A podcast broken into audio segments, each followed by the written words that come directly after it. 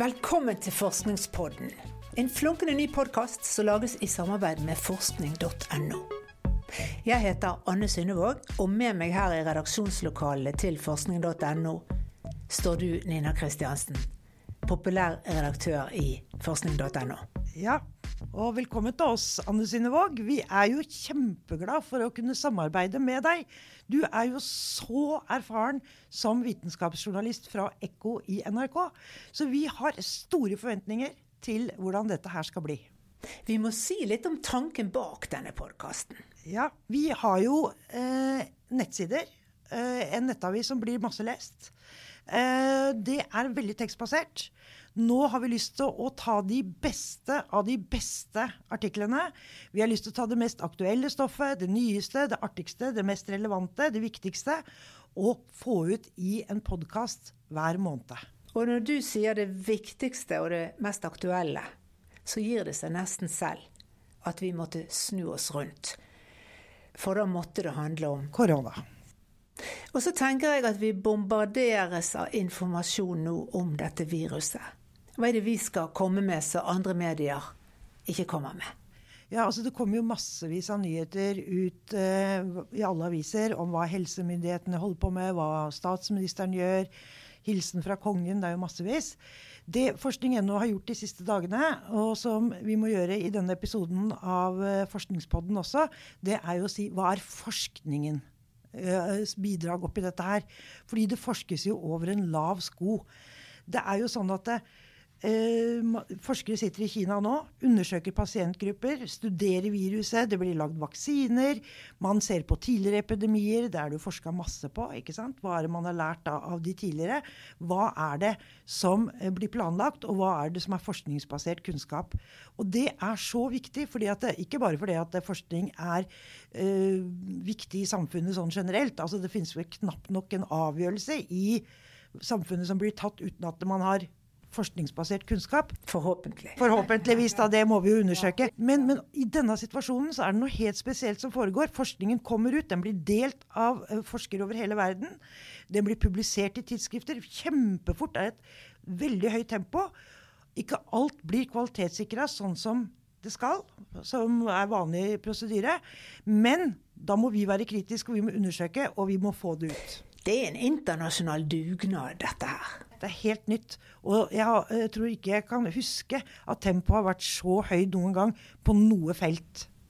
Vi skal nå prøve å følge med og finne ut hvilke av disse rådene vi får, og alle tiltakene som settes i gang, som er forskningsbaserte, og hva som er rent eksperimentelt. Ja, ikke sant? Og ikke bare hva resultatene er, for de er jo foreløpige. ikke sant? Alt dette pågår jo akkurat nå. Men også hvordan er det de har funnet det ut? Hvordan står de nye resultatene seg i forhold til andre resultater? Altså, Vi skal ha et kritisk blikk på dette her. Og en av de tingene som du, Nina Kristiansen, lurer mest på om dagen, det er er det sant det som Helsedirektoratet sier i sin annonse? At vi kan stoppe spredningen av dette viruset? Ja, de har faktisk en annonse overalt nå hvor det står 'Vi stopper spredningen', og da må alle bidra, skriver de. Men er det mulig? Det skal vi prøve å finne ut. Hør videre nå på Forskningspodden.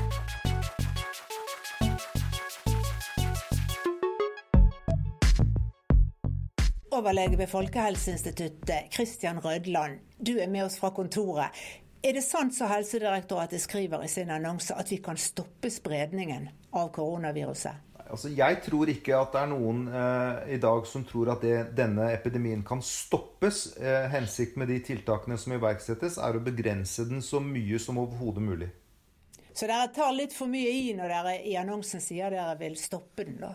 Altså, nå jobber jeg ved Folkehelseinstituttet og ikke Helsedirektoratet. sånn at uh, vi går ut og sier at vi tror at uh, Eller vi, alt det vi gjør, er å begrense utbruddet så mye som overhodet mulig. Det er det som er hensikten med de tiltakene vi anbefaler. Ja. Så målet er ikke å stoppe dette, men å forsinke spredningen. Har jeg skjønt det riktig da? Ja, vi tror ikke at vi kan stoppe det helt 100 nei. Men da får dere jo dette dilemmaet da, at ja, hvis, hvis man strekker dette utover veldig lang tid, så vil jo samfunnet lammes i tilsvarende lang tid. Ja, det, det, Hvor lang tid dette er snakk om, og hva som er tidshorisonten her, det vet vi rett og slett ikke. Altså, det må vi ta litt som det kommer. Og, og eh, det er noe som, eh, som, er en mulighet, at det kan drøye ut utbruddet. Men vi mener vel at, at det er vi mener at det er bedre enn at man skulle få en overbelastning av helsevesenet over en kort periode. Ja, Så det dere nå er opptatt av, å ikke overbelaste. Og nå hørte jeg en som hadde vært på legekontoret i dag for noe helt annet. Og der var det helt tomt. Det var ingen der, og de hadde, så foreløpig var det ingen overbelastning. Har dere tatt for hardt i i starten her? Nei, altså om, om, vi i Norge har tatt for hardt i i staten, sånn som med de samme føringer som er gjort i veldig mange andre land, det, det kan vi ikke si per i dag. Det får vi, det får vi se. Mm. Men hvilken forskning og hvilken erfaring ligger til grunn for den strategien dere nå har valgt? Altså, det er vel sånn at Denne situasjonen er det ingen som har vært oppi før. Eh, og Vi vet ikke riktig hvilke tiltak som er de riktige tiltakene.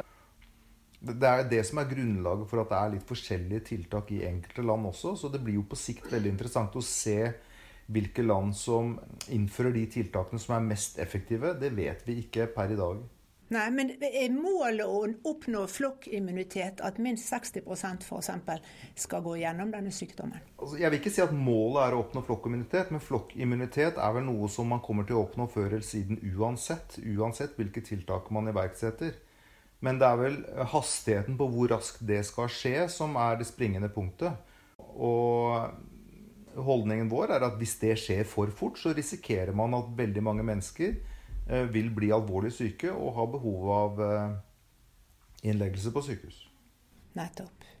Eh, lege ved Reiseklinikken Gunnar Hasle, du har vært en av de som har vært kritisk til myndighetene sin strategi her. Du har ment at de burde ta enda hardere i.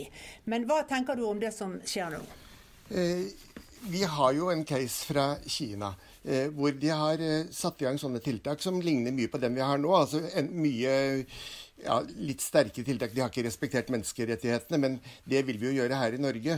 Eh, men de har nå i løpet av en måned klart å stoppe denne epidemien. Siste døgn, altså i går, var det 21 nye tilfeller i Kina, hvorav 20 av dem var importerte. Nå tester de alle som kommer inn, og setter dem i to ukers karantene.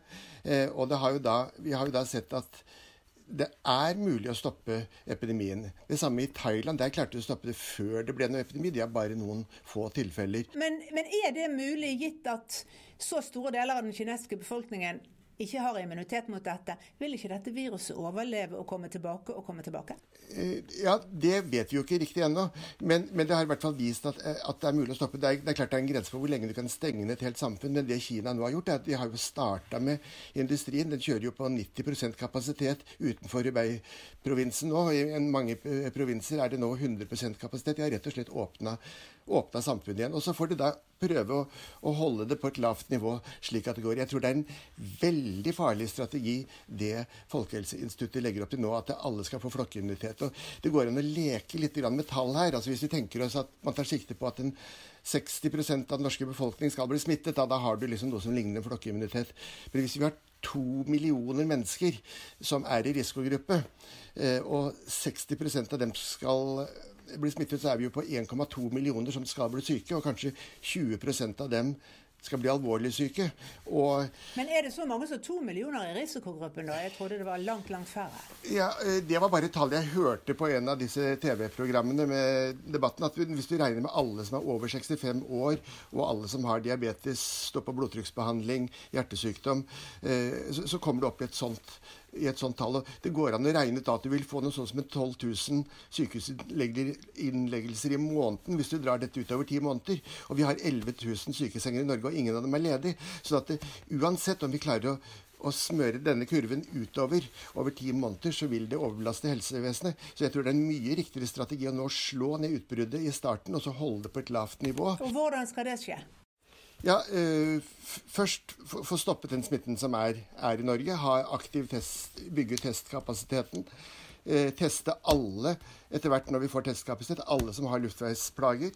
Og, og ha karantene og isolasjon. Og da isolasjon når det er praktisk, må de isoleres i gruppe med andre smittebærere ikke i familie, sånn som det legges opp til nå. Eh, så er det et håp, det har Kina vist oss, om at vi kan holde dette her lavt inntil vi da eventuelt får vaksine, så vi kan få en flokkimmunitet på den måten. Ja, nå var det to ting du sa, så vi, la oss ta dette med hjemmeisolasjon først. Du er altså uenig i at de som er smittede, skal være hjemme? Hvis de bor alene, er det jo greit. Men, men fra erfaringene fra Kina viste at langt de fleste av de som ble smittet, ble smittet av sine egne familiemedlemmer.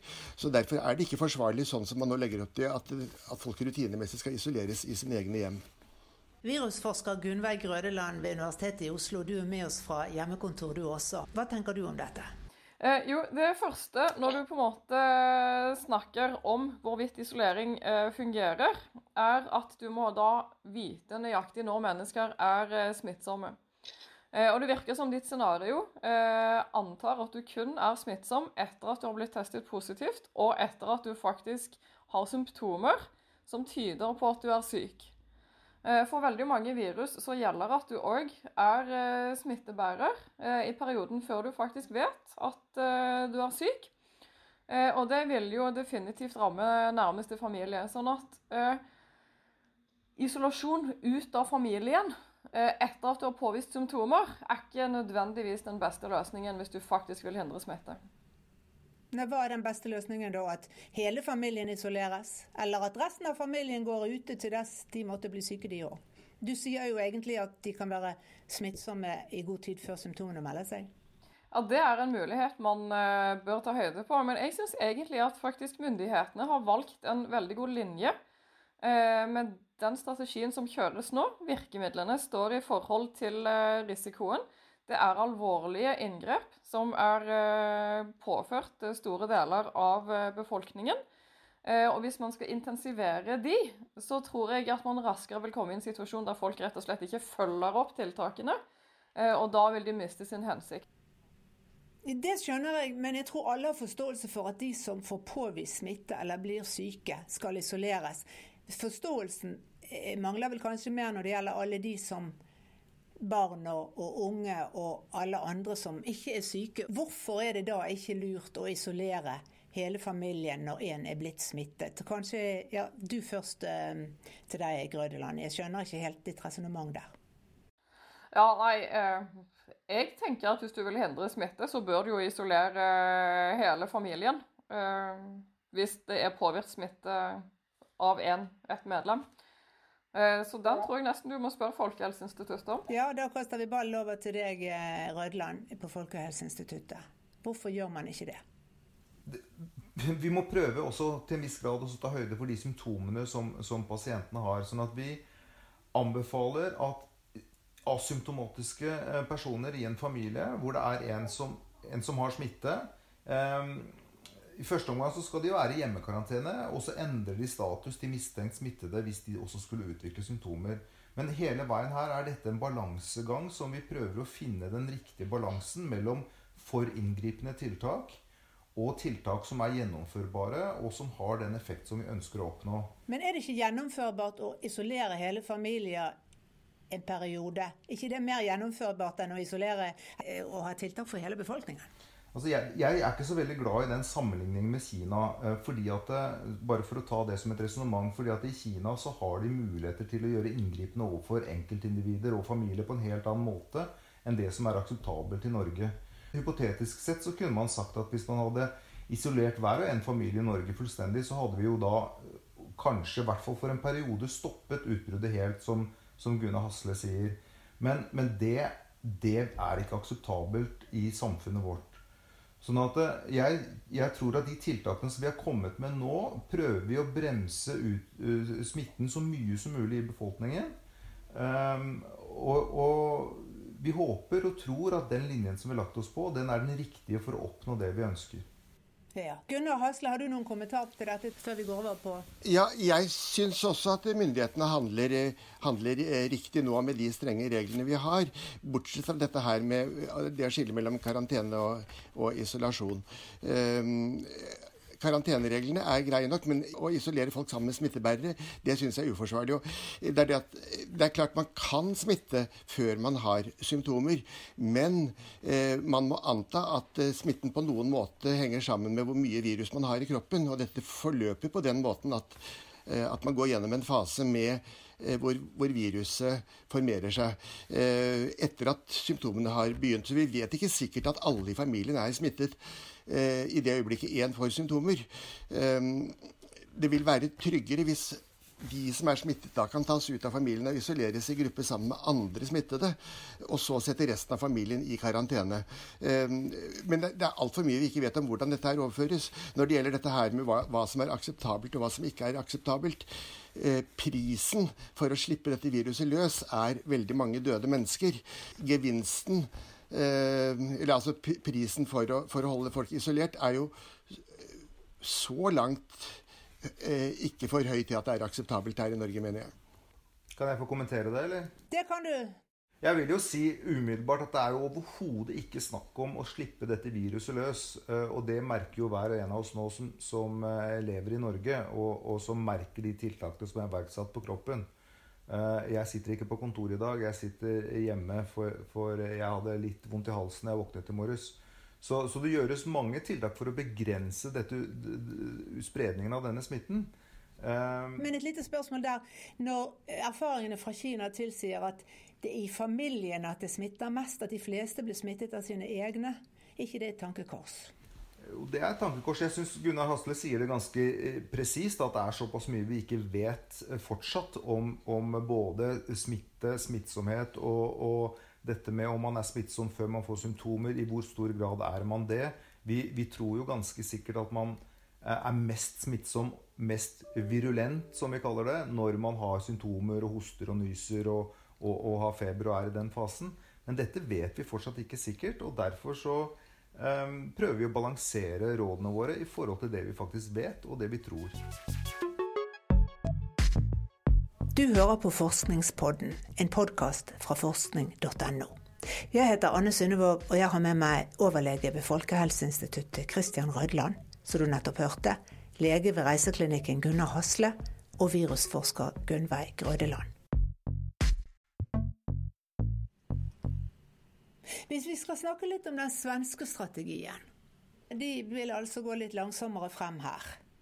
Og satser på mer flokkimmunitet. Jeg skjønner at dere ikke syns det er noen god strategi, men hvorfor er ikke det en god strategi? Kristian Rødland.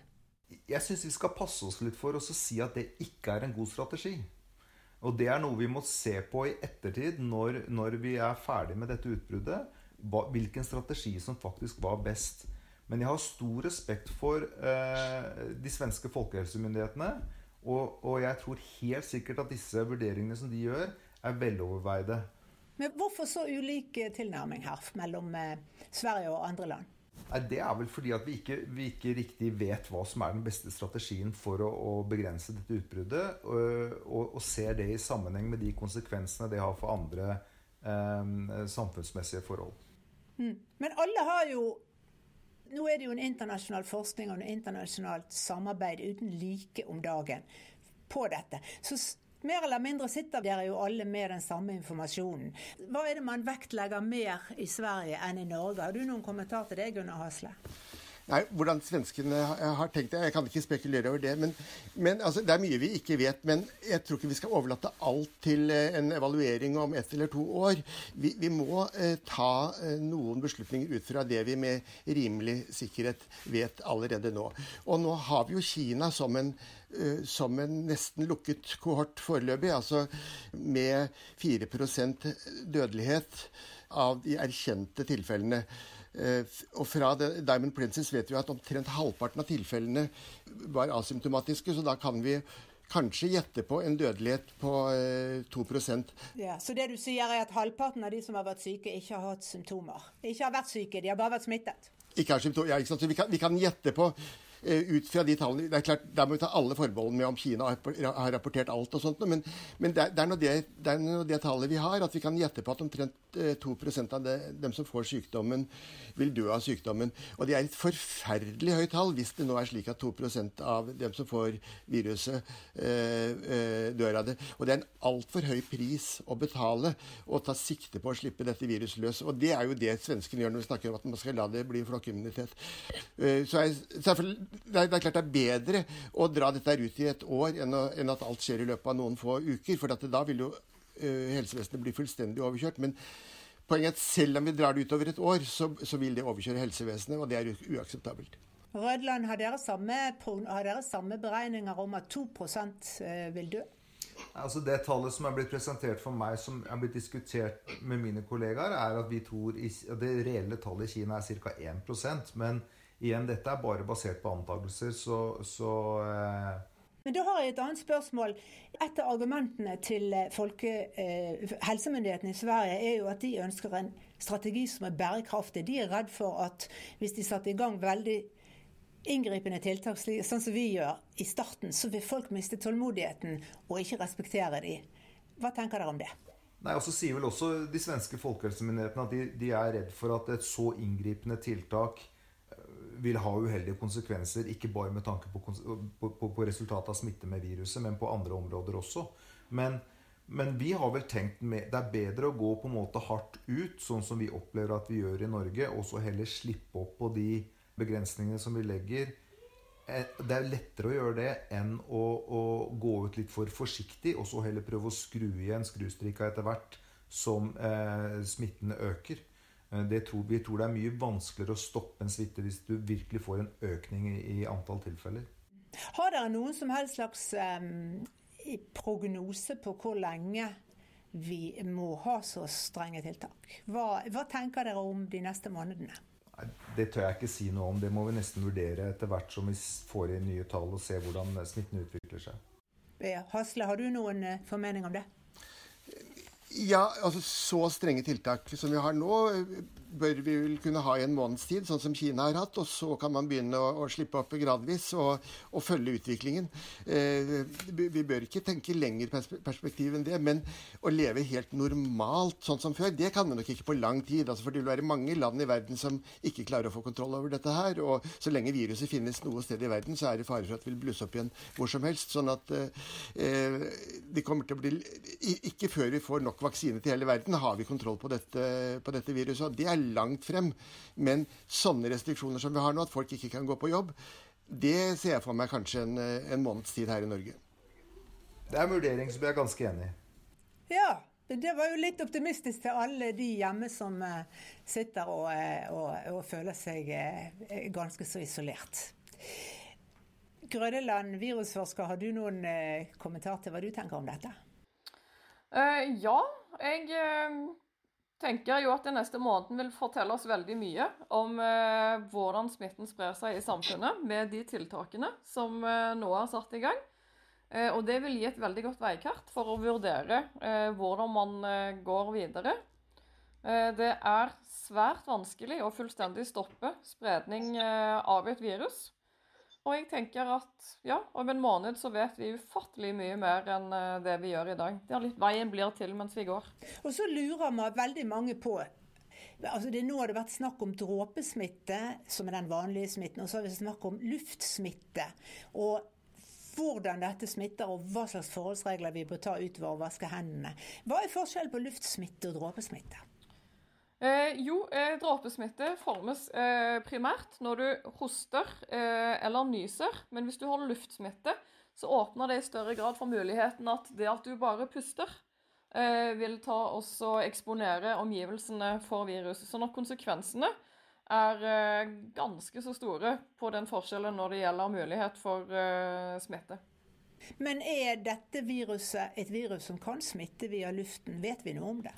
Det vet vi veldig lite om, egentlig. Eh, vi tenker at det primært er eh, dråpesmitte.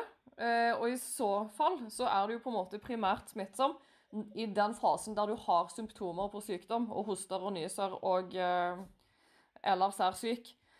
Men så er det det at selv når du har replikasjon av virus i munnen, så er vi mennesker sånn at vi driver og håndterer fjeset ganske mye og tar på flater rundt oss. Sånn at smitteveien i den fasen der du er asymptomatisk, vil mye være eh, ved hjelp av hendene som går fra munn til omgivelsene rundt oss. Og det er jo det vi kan begrense med god håndvask og hygiene rundt oss. Og da er spørsmålet, Vet man noe om hvor lett dette smitter, f.eks. på dørhåndtak, på handlevognen på supermarkedet eh, osv.? Eh, det kommer stadig eh, mer informasjon om det, men det vi vet er at avhengig av overflate og temperatur og luftfuktighet i området, så vil dette viruset kunne holde seg på ulike flater i alt fra et par timer og opp til et par døgn. Eh, og Det er derfor det er godt å tenke hygiene i alle settinger. fordi det å vurdere akkurat hvordan dørhåndtaket ditt, de klimatiske forholdene på ditt dørhåndtak vil slå ut, det er vanskelig. Men om det er virusrester på et dørhåndtak, betyr det at jeg blir smittet hvis jeg tar i det dørhåndtaket? Hvis de er eh, levende, og du etter at du har tatt i dørhåndtaket, begynner å ta deg i fjeset, så er det sannsynlig at du kan bli eh, smittet. Hvis du derimot tar i et dørhåndtak som har masse virus på, og du så går og vasker hendene dine, så vil du være rimelig trygg. Jeg har lyst til å kommentere noe, noe annet, hvis jeg kan få lov. Jeg har lagt ut en video på YouTube hvor jeg foreslår å lage hjemmelagde munnbind. Ikke for å beskytte seg selv, men for å beskytte andre. Eh, nå har jo helsedirektøren mange ganger vist at hvordan vi skal hoste i albukroken. Det er vel ingen som tror at det er et 100 effektivt tiltak for å spre viruset. Men om man i tillegg alle kunne gå med, med munnbind, og da vi har, ikke, vi har ikke mulighet til å ha profesjonelle kirurgiske munnbind til hele landet, men det finnes data på at et hjemmelaget munnbind gir omtrent en tredjedel av den beskyttelsen som et profesjonelt munnbind gjør. Og både når vi snakker og når vi puster og hoster og nyser, men, så, så, kommer det dråper ut av munnen, og vi må anta at mange av de dråpene blir fanget i et sånt munnbind. Det er en enkel ting, en folkelig dugnad, hvor alle i løpet av en dag kan ha sine egne munn, vaskbare flergangs hjemmelagede munnbind. Er det noen som syns det er en dum idé, eller syns det er en god idé? Uh, jeg syns det er en relativt dårlig idé.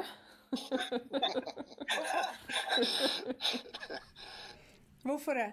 Uh, jeg uh, tenker at når du bruker munnbind, først og fremst, så vil befolkningen Eh, sånn generelt sett ikke helt eh, tenker på hvordan man benytter de munnbindene. Og det vi ser, er at det faktisk øker eh, graden av hvor ofte du driver og fikler med fjeset og området rundt det. Noe som i seg selv faktisk ikke reduserer sannsynligheten for å bli smittet, i hvert fall. Og så tror jeg òg det skaper en falsk trygghet. Dette viruset er så lite at det vil gå rett igjennom alt annet enn profesjonelle munnbind. Og eh, hvis du da går med denne falske tryggheten, så tenker jeg det øker sannsynligheten for at du eksponerer deg for eh, risikosituasjoner. Ja, jeg kan komme på flere argumenter òg, men eh, i men, sum dårlig idé. Men jeg trodde, jeg trodde ideen med et munnbind først og fremst var å beskytte andre og ikke deg selv. Ja, det stemmer. Og da vil det kanskje fungere? Ja, det, det, vil fungere hvis du er smittet og bruker ordentlig munnbind. Nå har ikke jeg sett det forslaget til hvordan du foreslår folk skal lage disse hjemmelagde munnbindene dine. Hvis du er smittet, så er det en god idé å ha munnbind. Ja, eh, Kan jeg bare få kommentere? Nå er det jo ingen data som tyder på at folk kjører mer uforsiktig om de bruker hjelmer og sikkerhetsbelter. Så, eh, så, akkurat det at det gir en falsk trygghet, er vel egentlig ikke noe argument. Og det at viruset er lite, det er jeg selvfølgelig enig i, men de dråpene viruset sitter i, er jo ikke så små. Sånn at uh, vi, vi, kan vel ikke si sikkert at de vil bli stoppet. Og, og den artikkelen som har testet dette for influensa, viser at det har omtrent en tredjedel av den effekten som, som de profesjonelle munnbindene har. Jeg sier ikke at dette løser problemet, men av alle de tingene som kan gjøre at vi får virusets reproduksjonsrate under én, vil også eh, eh, delvis effekter være en god idé. Det var vel omtrent det vi rakk i denne omgang. Vi vil gjerne ha dere tilbake ved et senere tidspunkt for å se om, om prognosene deres var riktig eller ikke, og hva mer vi vet da. Eh, foreløpig kan vi vel konkludere med at både vi og svenskene og alle andre eksperimenterer.